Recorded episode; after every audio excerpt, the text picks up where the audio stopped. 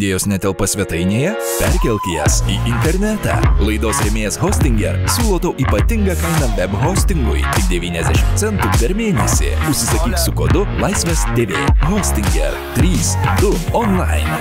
Labas, aš Irma ir šiandien tiek žinių apie artėjančius egzaminus, solidarumo vizitą Kyjeve, baigiamą karą ir atostogų planus. Soriuka, hebrytė, moksleiviai, bet šiandien dienos pietums jums karčių mokslo šaknų kotletai su karčių mokslo šaknų garnyru ir karčių mokslo šaknų kompotu. Šiandien švietimo ministrė Jurgita Šiukždinienė nuotoliniu būdu susitiko su prezidentu pasikalbėti apie mokslo metų startą, finišą ir moksleivių reikalus. Jie patvirtino vakar išsakytą pažadą, kad abiturientai sugrįš į mokyklas. Vadinasi, baigsis gėminimas Xbox išjungus kameras ir laikas rimtai pradėti ruoštis egzaminams. Gera naujiena. Vyksta gyvos ir nuotolinės konsultacijos skirtos abiturientams susimažinti stresą ir užsipildyti spragas. Sprendimas sugrįžti į kontaktinį mokymąsi priimtas dėl labai nukentėjusios mokymosi kokybės ir mokinių emocinės būklės. Be to, kasdien auga paskiepytų abiturientų skaičius. Visų moksleivių sugrįžimas planuojamas rugsėjo mėnesį. Susitikime dalyvavo ir Moksleivių sąjungos prezidentė Sara Iškinytė. Nors abiturientai neprivalo nei testuotis, nei vakcinuotis, bet pasak jos jie šią idėją labai palaiko. Labai stipriai palaikome uh, skiepijimas, vakcinacijas ir manome, kad tai yra kelias į išeiti. Liuks Hebrytė, dar paskatinkit savo tėvus ir senelius. Švietimo ministrė sakė, kad pedagogų bendruomenė nėra vieninga dėl grįžimo į mokyklas. Tarp mokinių irgi yra dviejojančių.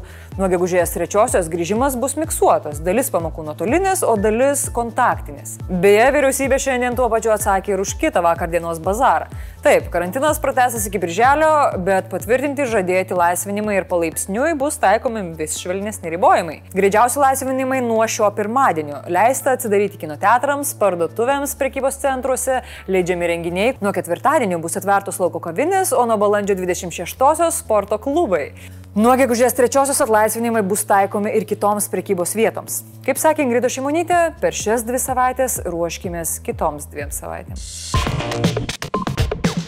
Šiandien solidarumo vizitu į Kievą išvyko trys Baltijos šalių užsienio reikalų ministrai. Ukrainos užsienio reikalų ministras Dmitro Kuleba džiaugiasi sulaukę svečių. Jisai rašė, kad jie visi stovi vieningi Maskvos grėsmių akivaizdoje. Dar prieš skrydį mūsų ministras Gabrielius Landsbergis teigia, kad negalima atmesti dar vieno Rusijos įsiveržimo į Ukrainą tikimybės. Tačiau galimas ginklų žvanginimas traktuotinas ir kaip žudiko, tai yra Vladimiro Vladimirovičiaus Putino noras mobilizuoti savo elektoratą ir kaip naujos JAV prezidento administracijos išbandymas. Landsbergis teigia, kad šio vizito esmė yra ne tik parodyti nedvėjojantį šimtaprocentinį palaikymą Ukrainai, bet ir aišku signalą Rusijai, kad ši turi deskaluoti situaciją nedelsdama. Estijos užsienio reikalų ministrė sakė, kad šalis ypač remia Kievo reformas ir euroatlantinės integracijos siekiai. Ji pabrėžė, kad labai svarbu, jog šalis grįžtų prie Minsko taikos susitarimų ir toliau reikalus spręstų taikiai. Kuleba šiandien taip pat paskelbė, jog Rusijos ekspertai ir pareigūnai atvirai grasina Ukrainai karu ir valstybės sunaikinimu. O Gabrielis pareiškė, kad Rusija turi atitraukti karius nuo Ukrainos sienos ir grįžti prie dėrybų stalo. Situaciją komentavo ir prezidentūra. Gitano Nausėdos vyriausiai patarėjai užsienio politikos klausimais Astas Kaisgirytė sakė, jog situacija prie Ukrainos sienų su Rusija tikrai kelia nerimą. Labai įdėmiai žiūrime į šitą situaciją, labai su nerimu neslėpsiu, nes e, stebime kažką panašaus, kai buvo 2014 metais prieš e, Rusijai e, užgrobent Krymą ir pradedant karinius veiksmus Donbase. Pas prezidentas Kijeve lankėsi prieš mažiau nei mėnesį ir pasakė, jog sankcijos Rusijai turi būti taikomos tol, kol jos pajėgos yra Ukrainos teritorijoje. O kaip dabar atrodo situacija Rusijos ir Baltarusijos pasienyje su Ukraina? Ukrainos gynybos ministras Andrijus Taranas išreiškė susirūpinimą, kad šiuo metu prie Ukrainos sienų gali būti apie 110 tūkstančių Rusijos karininkų, nauji orlaiviai ir kita ginkluotė. Aš tikrai negalvoju, jog savo gyvenime pamatysiu ir pandemiją, ir atrodo artėjantį karą. Dar vienas karas, bet šis įk besibaigiantis. Junktinės valstijos pareiškė, kad ketina baigti ilgiausiai vykstantį karą šalies istorijoje. Tai karas su terorizmu Afganistane, kuris prasidėjo po 2001 m. rugsėjo 11 atakos. Tai yra pats svarbiausias kadenciją pradėjusio prezidento Joe Bideno sprendimas. US troops as well as forces deployed by our NATO allies and operational partners will be out of Afghanistan before we mark the 20th anniversary of that heinous attack on September 11th. Karių išvedimas iš Afganistano teritorijos prasidės gegužės pirmą dieną. Vašingtonas pasižadėjo ir toliau remti Kabulą kovoje prieš Talibaną, tačiau jau nebe karinėmis priemonėmis. Tiesa, pasitraukimas nereiškia, kad Amerika pralaimėjo. Pasak Bideno, tikslai pasiekti, Osama bin Ladenas nukautas, o Al-Qaeda pažeminta. NATO sąjungininkės taip pat sutarė iki gegužės pirmosios pradėti savo pajėgų išvedimą. Alijanso generalinis sekretorius Jensas Stoltenbergas sakė, kad sąjungininkės ėjo draugė į Afganistaną, koregavo savo poziciją ir vieningai draugė išeis. Rusija priekaištavo JAV, kad viskas vyksta taip lietai. Jie beda pirštų į Talibano ir Trumpo susitarimą kariuomenę išvesti penkiais mėnesiais anksčiau. Priminsiu, kad būtent šiame susitarime talibai įsipareigojo pabaigti išpolius ir paspaudė rankas su Afganistano valdžia. Už tai amerikiečiai įsipareigojo, kad iki gegužės pirmos jų ten neliks nie kvapo. Radikalus Talibano judėjimas jau anksčiau buvo perspėjęs JAV nedėlisti su karių išvedimu. Nereikia nesakyti, kad jiems tas vėlavimas labai nepatiko. Tai yra viena iš priežasčių, kodėl jie atsisakė dalyvauti Turkijos rengiamoje Afganistano taikos konferencijoje. Talibanas sakė, kol bent vienas JAV karys bus mūsų teritorijoje, nesikalbėsim. Tiesa, Afganistano prezidentas Ašrafas Gani visiškai ramus. Telefonu jis užtikrino Bideną, kad afganistaniečių kariai yra pajėgus apsiginti ir patys. Norite įdomaus fakto apie šį karą? Kai kurie Afganistane dislokuoti kariai net nebuvo gimę, kai teroristai vykdė rugsėjo 11 atakas. Be to, yra šeimų, iš kurių šiame kare dalyvavo ir tėvai, ir jų vaikai. Rusija iki birželio pirmos sustabdė didžiąją dalį turistinių skrydžių į Turkiją.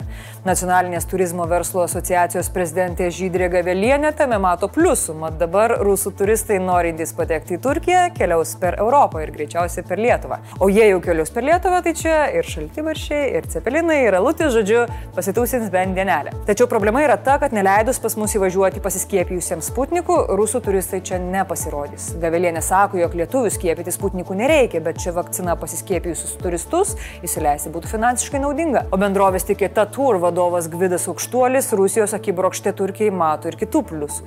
Tai gali reikšti, jog mums atsivers galimybė mažinti kelionių kainas. Jis tvirtino, jog jau sulaukė pasiūlymų bendradarbiauti su naujais viešbučių tinklais. Rusams nustojus skraidyti Turkiją atsivėrė nemaža galimybė erdvė, nes pernai rusų Turkijoje lankėsi virš 2 milijonų. O ir šansas, jog keliaudami užsienyje sutiksite daug bendrapiliečių, irgi mažas. Reklamos pardavimo agentūros Inspired UM atliktas tyrimas rodo, jog net pusė apklaustųjų nusprendė šios vasaros atostogas leisti Lietuvoje, kas šiaip jau yra labai gerai mūsų turizmo sektoriui. Gera naujiena Lietuvos turizmui turėtų būti ir ta, kad Lietuvos banko duomenimis per metus gyventojų indėlių suma gerokai padidėjo. Tai reiškia, jog atostogaujantis lietuviai gali būti labiau linkę už vaflį vis dėlto susimokėti 3 eurus ir pasimėgauti juo, kai kaitrioje palangos saulėje. O kaip savo atostogas planuojat leisti jūs ir ar iš vis planuojat? Papasakokit mum apačioje. Yeah. Man atrodo, kad kelionių norim visi ir kuo greičiau. Kaip Lietuvoje kalbama apie galimybių pasą, taip ir Europos parlamente toliau vyksta intensyvios diskusijos dėl skaitmeninio žaliojo pažymėjimo. Šią savaitę piliečių laisvių, teisingumo ir vidaus reikalų komitetas pirmą kartą šį pasiūlymą aptarė ir su Europos komisijos atstovais. Šis pažymėjimas sudarys sąlygas žmonėms keliauti laisvai per pandemiją. Buvo pranešta, kad vasarą žaliuoju pasų galėtų naudoti avialinijos,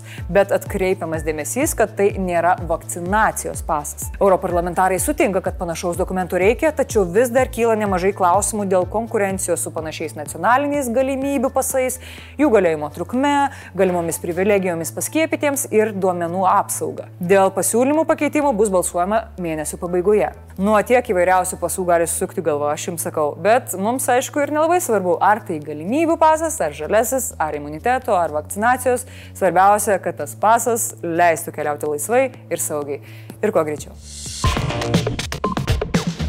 Blitz naujienos. Premjerė Ingrida Šimonytė pranešė, kad Lietuva paprašė Danijos jų nenaudojamomis AstraZeneca vakcinomis pasidalinti su mumis. Pasak ministro Rūno Dulkio, jeigu jie sutiktų, tai galėtų būti masinės vakcinacijos pradžia.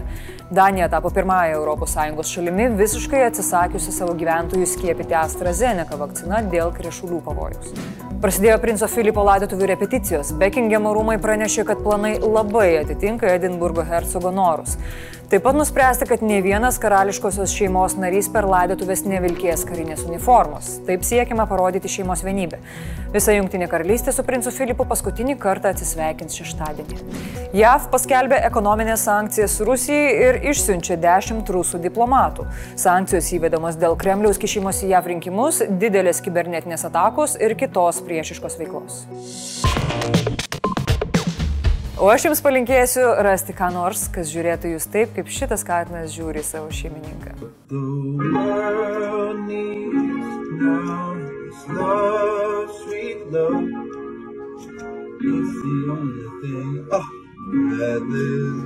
Šiandien tiek, gero artėjančio savaitgalio ir tiek žinių.